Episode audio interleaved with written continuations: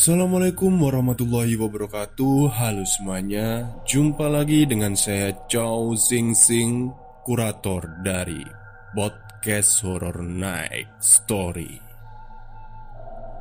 Dan seperti biasanya pada malam hari ini Saya kembali Dan akan menceritakan sebuah kisah mistis untuk kalian semuanya. Kisah mistis kali ini datang dari Mas Wahyu Arianto Nama twitternya. Jadi Mas Wahyu Arianton ini bercerita Tentang pengalamannya saat melewati Jalan alternatif Semarang Temanggung Seperti apa kisahnya? Mari kita simak Cerita ini berawal saat saya bersama enam kawan saya Ahmad, Fitri, Rahayu, Yunita, Yola, dan Yusril Melakukan perjalanan pulang ke kota Semarang Selepas dari pendakian ke Gunung Sikendil, Temanggung. Saat tiba di pusat kota Temanggung Kami singgah sejenak ke rumah kawan kami yang bernama Vega Kurang lebih pukul 17.00 Kami tiba di sana Setibanya kami di sana, kami disambut oleh Vega dan berbagai makanan yang tersaji di kediamannya. Terlihat semua kawanku sangat lahap. Mungkin dampak karena baru turun gunung. Selesai sholat maghrib, kami pamit pulang dan melanjutkan perjalanan. Tapi langkah kami tertahan dengan ajakan Vega yang mengajak makan di kafe dekat rumahnya. Karena tidak baik jika menolak rejeki, akhirnya kami mengiyakan ajakannya. Saat makan sangat terlihat wajah kami yang sangat lelah, terutama Yunita. Tanpa terasa jam sudah menunjukkan pukul 19.45 Tandanya kami harus melanjutkan perjalanan pulang. Estimasinya dua jam. Kami akan tiba di Semarang kalau lancar. Jam 20.00 Kami mulai perjalanan. Tandanya kami akan melewati dingin dan gelapnya jalanan Sumowono. Di perjalanan pulang, saya dan Yola Berboncengan dan berada di paling depan diikuti Ahmad dan Fitri, Yunita dan Rahayu. Yusril paling belakang. Singkat cerita, kami tiba di sebuah jalan gelap di antara hutan sebelum tugu perbatasan Kabupaten Semarang dan Temanggung. Di sini, awal mula keanehan-keanehan datang. Yunita yang sudah sejak di rumah Vega terlihat yang paling lelah Tiba-tiba bertingkah aneh. Yang di belakangku masih kamu kan Wi? Tanya Yunita ke Rahayu. Rahayu yang mendengar pertanyaan Yunita Hanya menjawab masih Dengan perasaan mulai ketakutan. Rahayu yang sudah mulai merasakan keganjilan Akhirnya mulai berdoa dan membaca ayat kursi. Saat itu Yunita berada di depan mengendarai sepeda motor. Yunita yang sudah bertingkah aneh hanya melamun di sepanjang jalan sampai-sampai mempengaruhi caranya berkendara. Rahayu yang berada di belakangnya semakin berpikir yang tidak-tidak. "Yun, kamu kenapa?" tanya Rahayu. Oh, tadi di tengah aku lihat perempuan pakai putih-putih dan rambut panjang. Jawaban Yunita membuat ketakutan Rahayu semakin besar. Akhirnya Rahayu memutuskan untuk tidak berhenti berdoa. Rahayu belum memiliki keahlian penuh dalam mengendarai motor, sehingga sampai saat itu Yunitalah yang tetap di depan. Selain itu, keadaan jalan yang sangat gelap mengharuskan motor kudu tetap berjalan. Yusril yang berada di belakang mulai merasakan gelagat Yunita yang tidak seperti biasanya. Seringkali Yusril berkendara tepat di sebelah Yunita hanya untuk mengajaknya ngobrol demi mendinginkan suasana. Tapi usahanya nihil. Agak jauh setelah melewati tugu berbatasan, keadaan tak berangsur baik. Yunita semakin tak beraturan membawa motornya. Hingga akhirnya Rahayu melihat tubuh Yunita seperti ada yang menarik ke belakang. Aku gak kuat, pengen pingsan Ucap Yunita setelah badannya tertarik Mendengar ucapan Yunita, Rahayu sontak meminta Yunita berhenti di pinggir jalan untuk bertukar posisi. Walaupun di posisi itu, Rahayu tak yakin dengan dirinya sendiri. Melihat Yunita dan Rahayu menepi, Yusril ikut mengikutinya. "Kenapa, Yu?" tanya Yusril ke Rahayu. "Biar ku gantiin aja nyetir motornya," jawab Rahayu. Yusril yang sudah mulai paham hanya membiarkannya dan menyuruhnya lekas kembali ke jalan. Sebelum berjalan, Rahayu mengingatkan Yunita dan Yusril agar membaca ayat kursi dan istighfar di sepanjang jalan. Di jalanan, Yunita yang berpegangan ke Rahayu hanya diam dan melamun. Rahayu dan Yusril terus berusaha mengajak Yunita ngobrol, walaupun hanya dijawab sederhana dengan wajah lemas. Tapi Yunita tetap sadar di sepanjang jalan Setiba saya di persimpangan pasar Subawono Saya dan Yola yang berada di depan Mengecek semua rombongan Dan terlihat semua masih ada di belakang Setibanya di daerah Bandungan Jalanan sudah agak ramai Tanpa sadar rombongan Ahmad, Fitri, Rahayu, Yunita, dan Yusril sudah tidak terlihat lagi di belakang. Di situ saya mulai mengurangi kecepatan hingga akhirnya sampai di persimpangan jalan raya.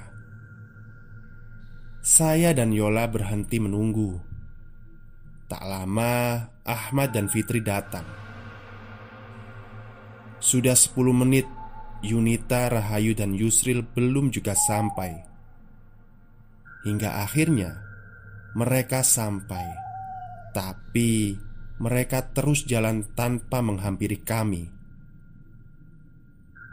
Menyadari keberadaan saya, Yusril hanya mengatakan, "Nanti berhenti di Indomaret depan." Dengan wajah yang panik, saya dan Ahmad hanya bertanya-tanya karena kami belum tahu apa yang sedang terjadi. Saat di Indomaret, terkejutnya saya melihat Yunita menangis di atas motor. Saat saya tanya kenapa, dia hanya menangis dan mengatakan, "Aku takut." Tak lama setelah mengatakan "aku takut", tiba-tiba Yunita jatuh pingsan. Sontak, hal itu mengundang perhatian warga yang ada di sekitar Indomaret. Mbaknya kenapa mas? Tanya salah satu warga di sana Saya yang tidak tahu masalahnya Hanya menjawab Eh, kelelahan mungkin pak Soalnya kami baru turun muncak Lalu kami diberi satu gelas air hangat Untuk membantu menyadarkan Yunita Saya mengeluarkan minyak angin yang ada di kantong saya dan saya berikan ke Rahayu untuk menyadarkan Yunita. Saat itu posisi Yunita duduk dengan dibantu Rahayu, Fitri dan Yola.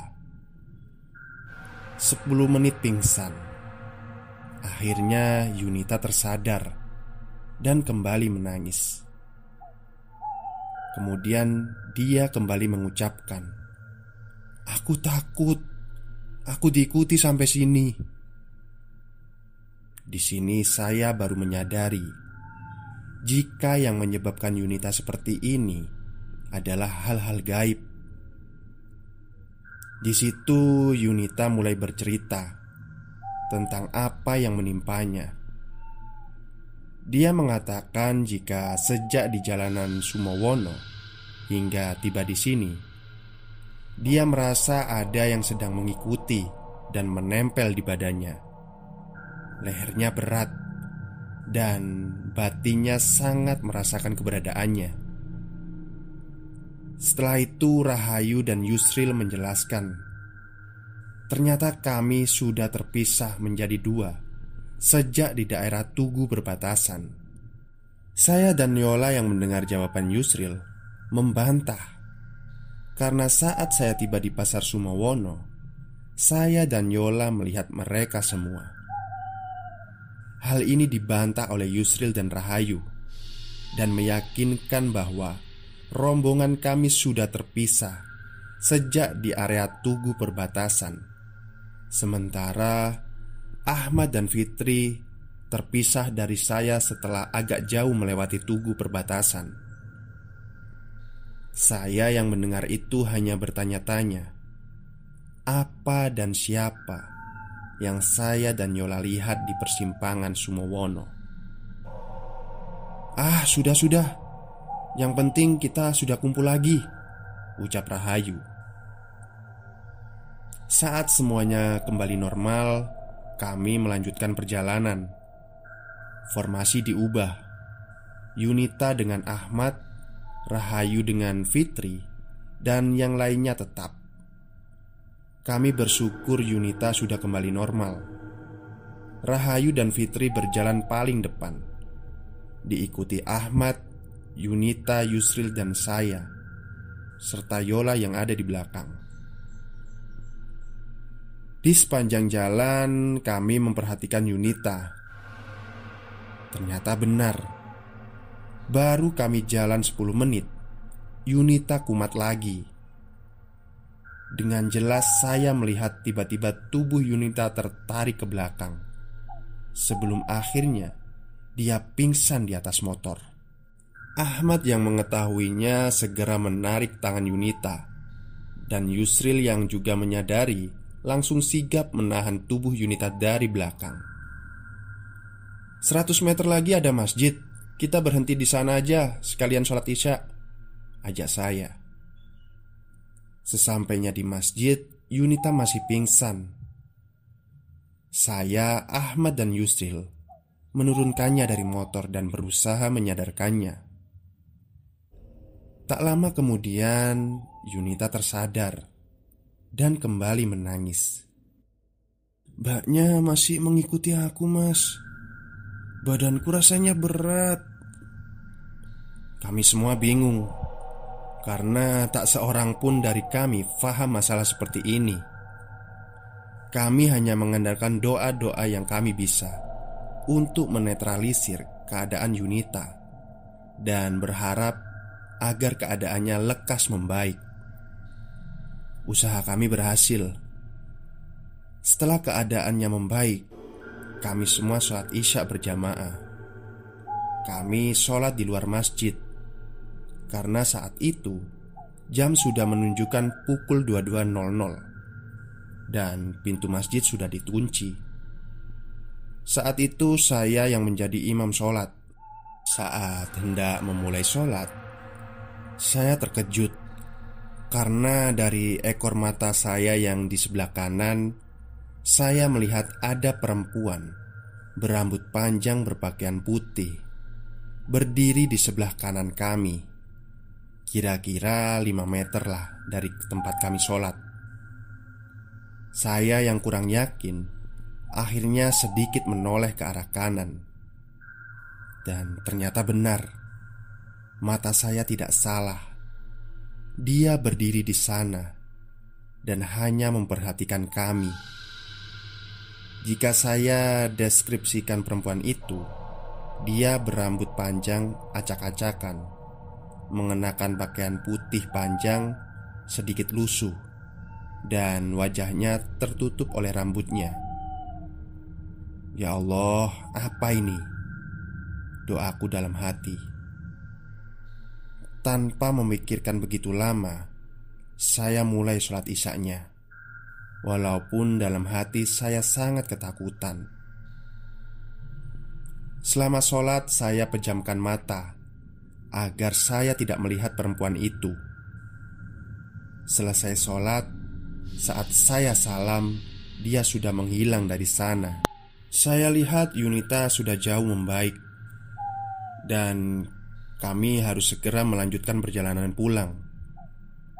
Saat bersiap-siap, Yunita memberitahu jika ada perempuan yang mengikutinya.